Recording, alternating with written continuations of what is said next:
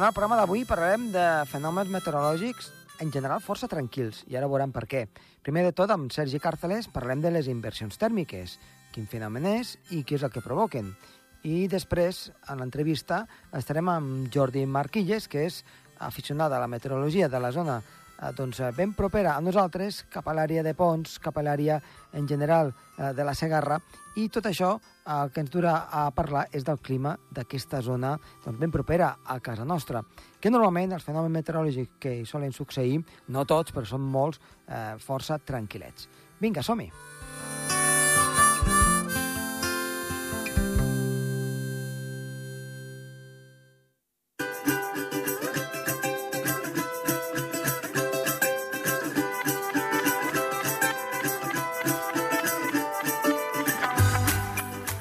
Doncs avui parlem de nou amb Sergi Càrceles. Sergi, molt bona tarda.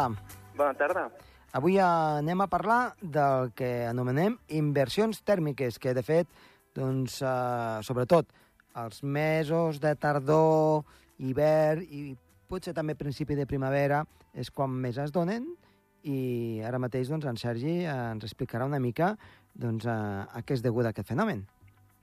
Doncs sí, parlarem de les inversions tèrmiques, un fenomen que a priori hauria de ser un fenomen invisible, encara que a vegades aquesta, aquest mateix fenomen també crea una situació meteorològica, un fenomen meteorològic, que són les boires, uh -huh. en aquest cas. Doncs mira, parlarem una mica de, de què és la inversió tèrmica. A vegades s'ha parlat, sobretot als mitjans de comunicació, quan es parla d'inversió tèrmica, és la diferència o, eh, com diríem, el regirament de temperatures que hi ha en, en altura. Nosaltres sabem normalment, quan més alt estàs, doncs més Sí. fred fa. Normalment, a cotes baixes fa relativament calor i a cotes més elevades, sobretot si estàs als pics de les muntanyes, doncs farà més fred que no a la vall que hi ha al costat. Això seria el normal, però a vegades eh, aquesta situació es regira i llavors és quan s'anomena la inversió tèrmica. Què vol dir?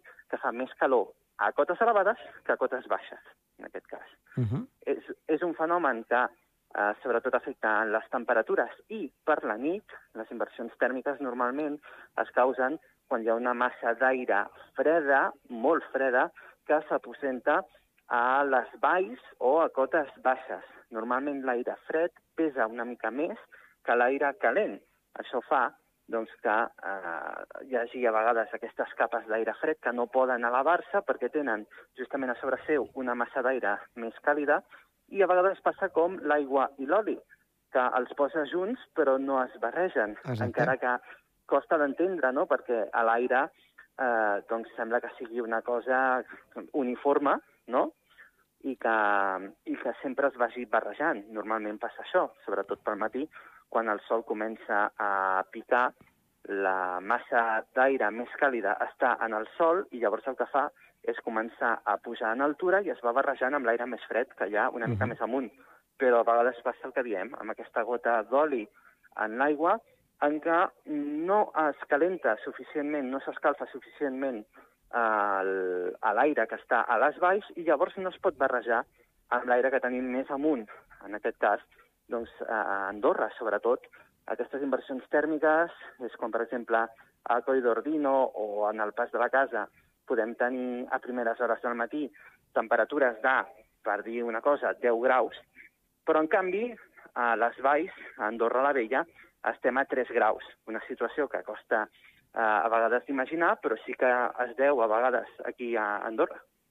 Um, de fet, una mica estava pensant de que la gent pot fer la prova a casa seva, eh, sempre que no hagi ficat una calefacció, doncs qualsevol dia, eh, eh, fica un termòmetre a mitja alçada i un termòmetre doncs, a, a tocar de terra, però que no toqui el terra.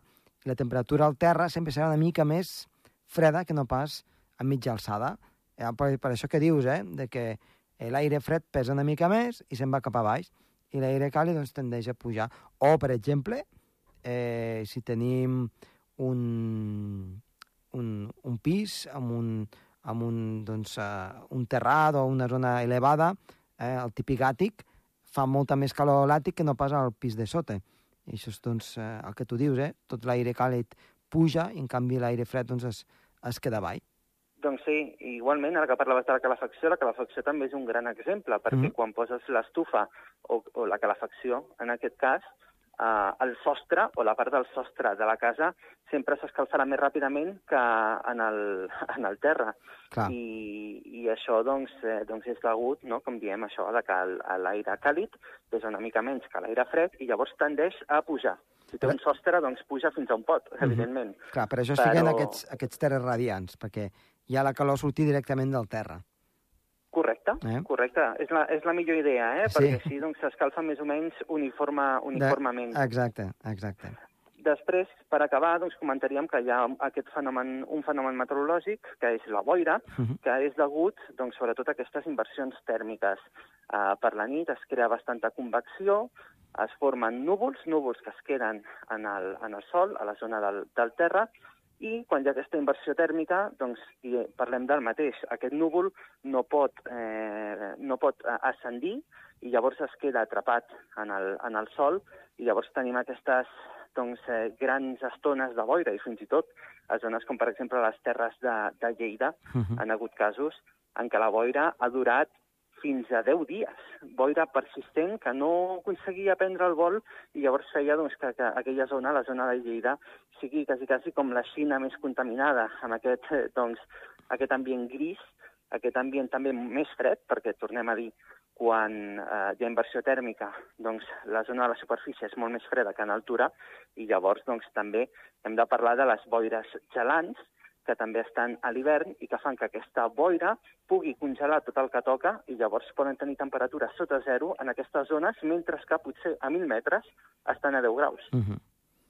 Doncs molt bé, Sergi, uh, ens queda molt clar aquesta situació d'inversió tèrmica, uh, aquest fenomen, que, com diem, eh, és una més aviat de, de finals de tardor, hivern i també una mica a la primavera. Moltes gràcies i fins la propera. Que vagi molt bé. Adéu-siau.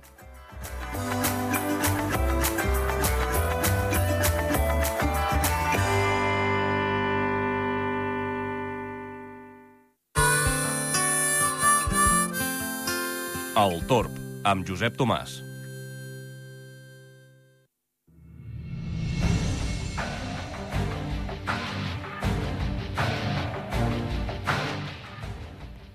Doncs avui recuperem a Jordi Marquilles, que havia estat amb nosaltres, ara feia doncs, un força temps. Eh, ell és observador meteorològic de la zona del Llobregós, sempre ens explica doncs, moltes anècdotes tant de zones del clima de l'àrea on viu ell, com també d'arreu del món. Eh, Jordi, molt bona tarda. Bona tarda, Josep. Moltes gràcies per tornar a estar aquí al programa Torb i volem començar doncs, eh, ara mateix parlant una mica, per fer cinc cèntims als nostres oients, del clima una mica de, de, de l'àrea on tu vius, que perquè doncs, em facin una idea la gent, seria a partir de l'àrea d'Oliana fins a Pont, ba- baixant fins a Cervera, Calaf, tota aquesta àrea, no? Eh, podríem dir? Sí, sí, diguem, bueno, sí, això de les, de les demarcacions és eh, complicat perquè... Sí, exacte. Sí, perquè cadascú coneix molt el, el micro, mic, microclima, pot ser molt micro, saps? Sí. I, I la gent s'acaba coneixent bàsicament més l'àmbit reduït on viu el dia a dia, Mm. no? Perquè, clar, aquí ara has esmentat alguna zona que, bueno, cau, Cau, lle- cau lluny, ja. lluny, sí, Sí, per sí, sí. exemple, Oliana, no? O, Ja no seria el mateix, eh?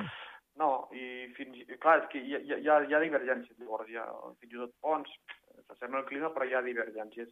I el que dius tu, la Catalunya central, eh, bueno, a vegades la Segarra es considera Ponent, bueno, que sí, Terres de Ponent, però també és bastant cap al centre, no?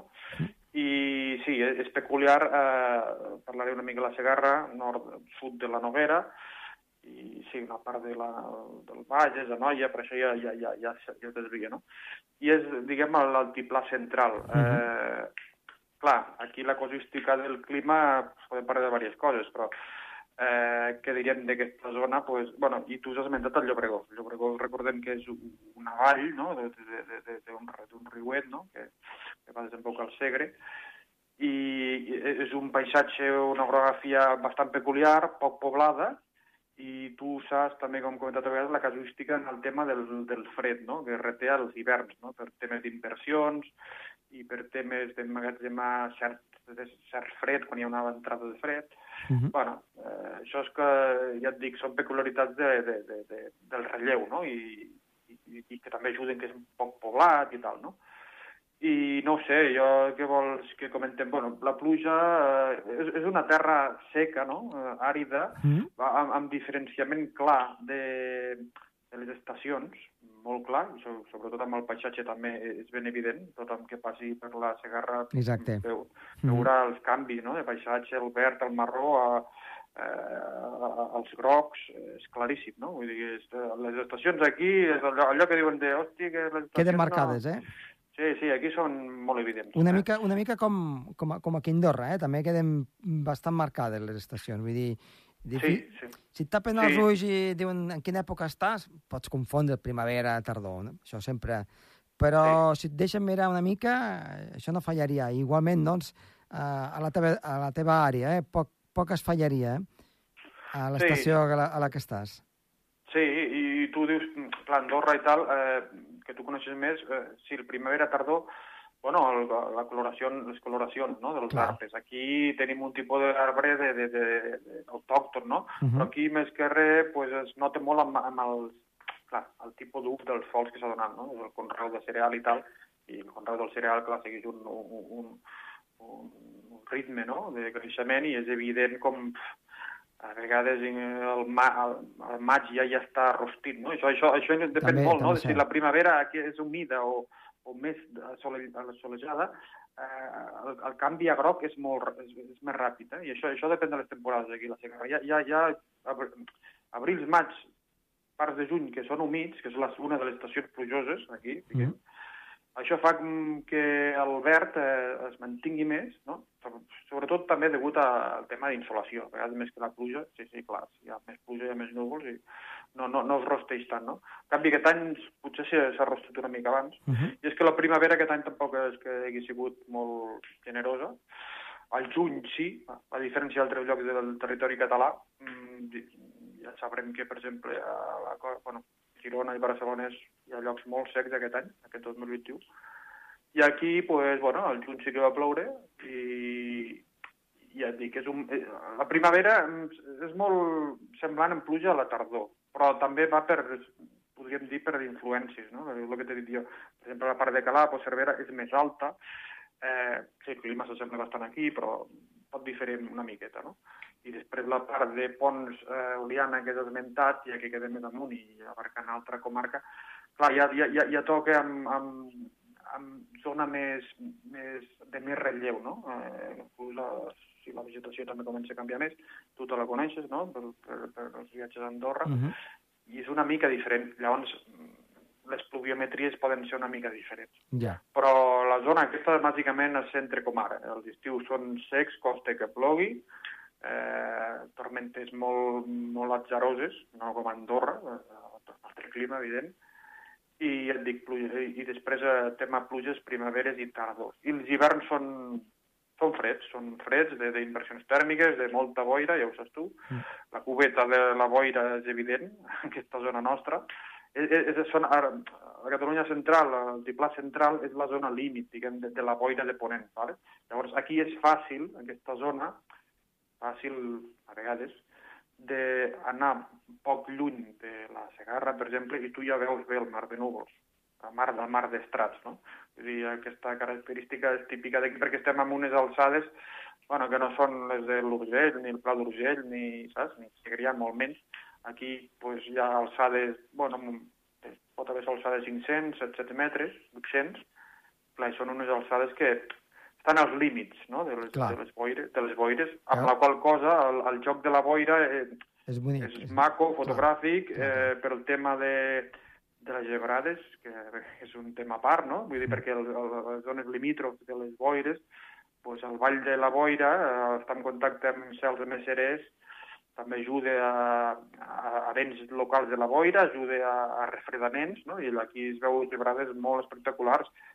Eh, una part que, que no m'he esmentat és la part clar, del nord de la Segarra tirant cap al Solsonès, que també està a prop, eh, i Per exemple, aquesta part és molt bueno, coneguda, les gebrades de, de Pinós, no? del Miracle, Uh -huh. això ja és Solsonès, però això, això, això és molt a prop, ja mirant cap a la Segarra, no? O sigui que... Ge Bueno, Geogràficament, diguem-ne, seria com la Segarra, diguem-ne, en aquest cas.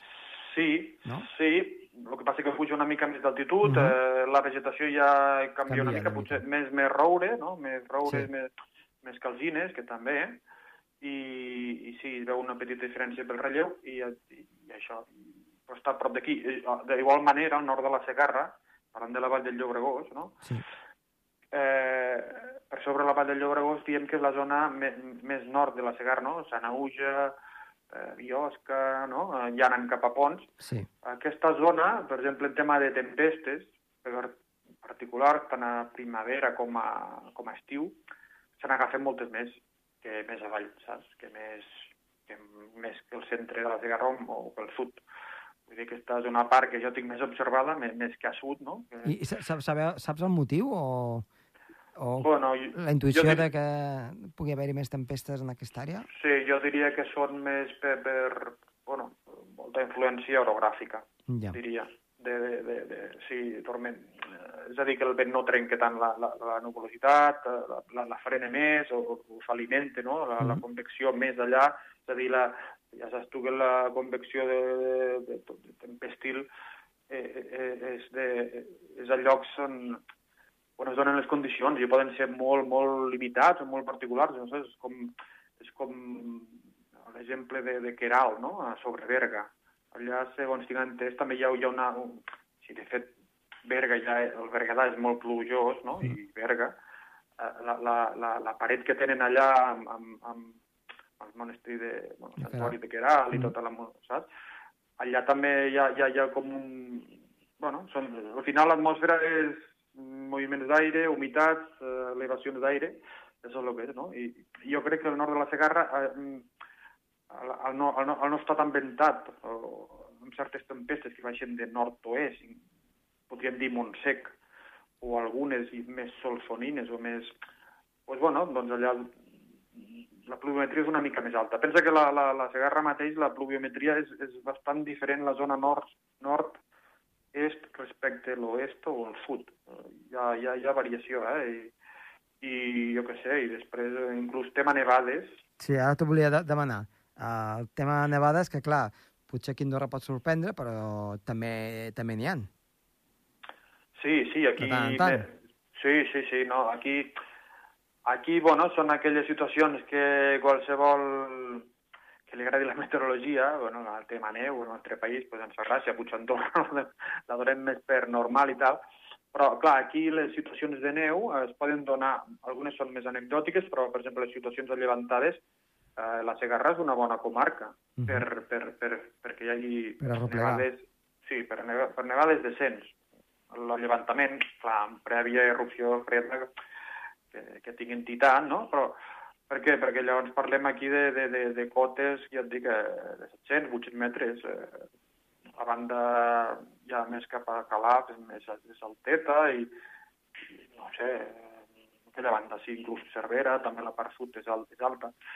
I bé, de tant en tant arrepleguem certes nevades. Uh -huh. Aquest hivern, bueno, la famosa Glòria, no? Recordarem. Exacte. O, sí, aquí no és que fos lo de Madrid, però, però sí, ens va enganxar i va fer una nevada, bueno, sí, que va estar bé, no, no recordo ara els centímetres, però va.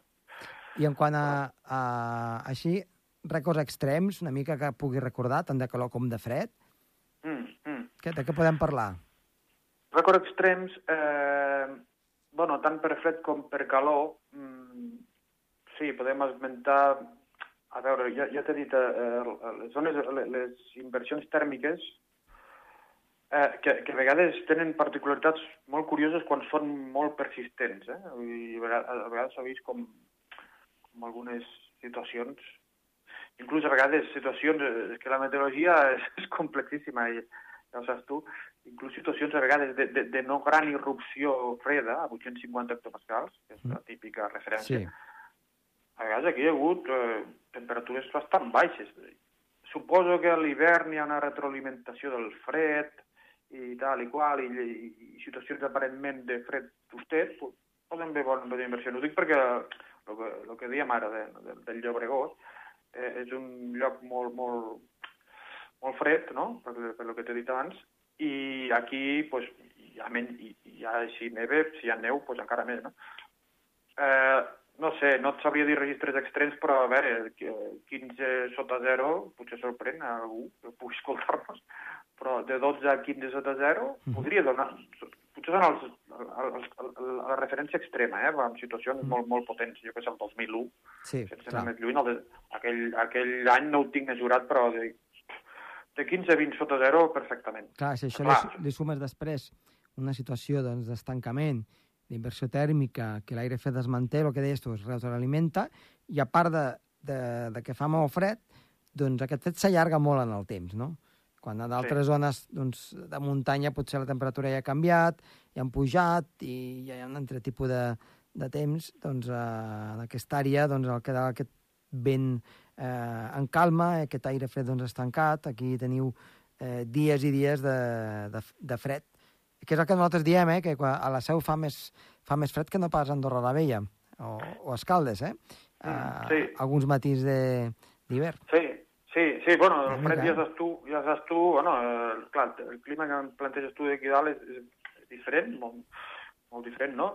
Eh, però, clar, eh, eh, té a veure pues, amb els moviments no? dels masses d'aire, i, i, i et dic, i aquí, eh, amb bé atmosferes tancades, amb, amb, amb fred ja de per si, pues, sí, coses, coses ben curioses. Mm. I referent a la calor, ja Sí. t'ho esmento ara també, ja comentant en extrems, bueno, la, cal la calor, considerable aquí, a la Segarra als estius, no? Mm, jo et diria que, per exemple, la frontera dels 40, jo diria que és, és difícil d'aconseguir a, a, a la comarca i, bueno, tot i que reconeixem que Oliana pot és un punt també dels punts càlids quan, li, quan apreta la calor, no? I no, no, no, no, recordo ara registres concrets, però jo aquí nord de la Segarra, també al sud, els 40 són difícils. I va, mm, potser ens va sorprendre, bueno, sí, d'aquella manera, no? La, nostra vida és curta, ens sorprèn el que ens sorprèn. El juny del 2019, era? O... Sí, que hi va haver una erupció càlida molt potent. Mm? Eh, van passar dels 40, i van passar eh, un parell de dies seguits, va ser noticiable. bueno, noticiable aquí a tot Catalunya. Eh, Es van registrar pues, el 2019, sí, parlem del 2019. Mhm. 42 o 43 per Catalunya, 43 i pico a Girona. Això, l'entrada d'estiu del 2019 va ser, no? Però els 40 són difícils, no s'han aconseguit. I després recordem el 2003, per exemple, que és la mare del, dels ous de la de l'onada càlida a Europa no? I, i aquí. I tant. I l'altre dia, sense anar més lluny, recuperava un...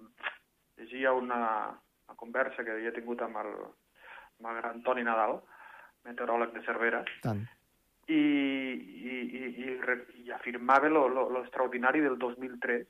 Eh, ell, deia que a, a, a mig d'agost, a 14 d'agost, si no recordo malament, deia que portaven un, un, un nombre increïble de dies per sobre dels 35 graus seguits. Però quan et dic, potser, no sé si eren, ara no recordo bé, eren molts, molts dies seguits, potser 30 o... A part de, de nits per sobre els 20 graus.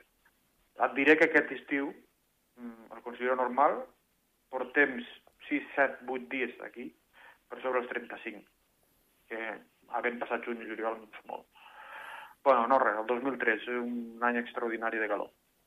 Doncs, Jordi, eh, moltíssimes gràcies per fer-nos una mica doncs, aquests 5 cèntims del que és eh, doncs, el clima de, de l'àrea aquesta doncs, on vius tu, de la zona de la Segarra, i que moltes vegades hi passem molt ràpidament i també faria falta doncs, eh, que hi donem un cop d'ull perquè hi ha moltes coses per descobrir. Jordi, moltes gràcies i fins la propera. Molt bé, vagi bé. Adéu-siau. I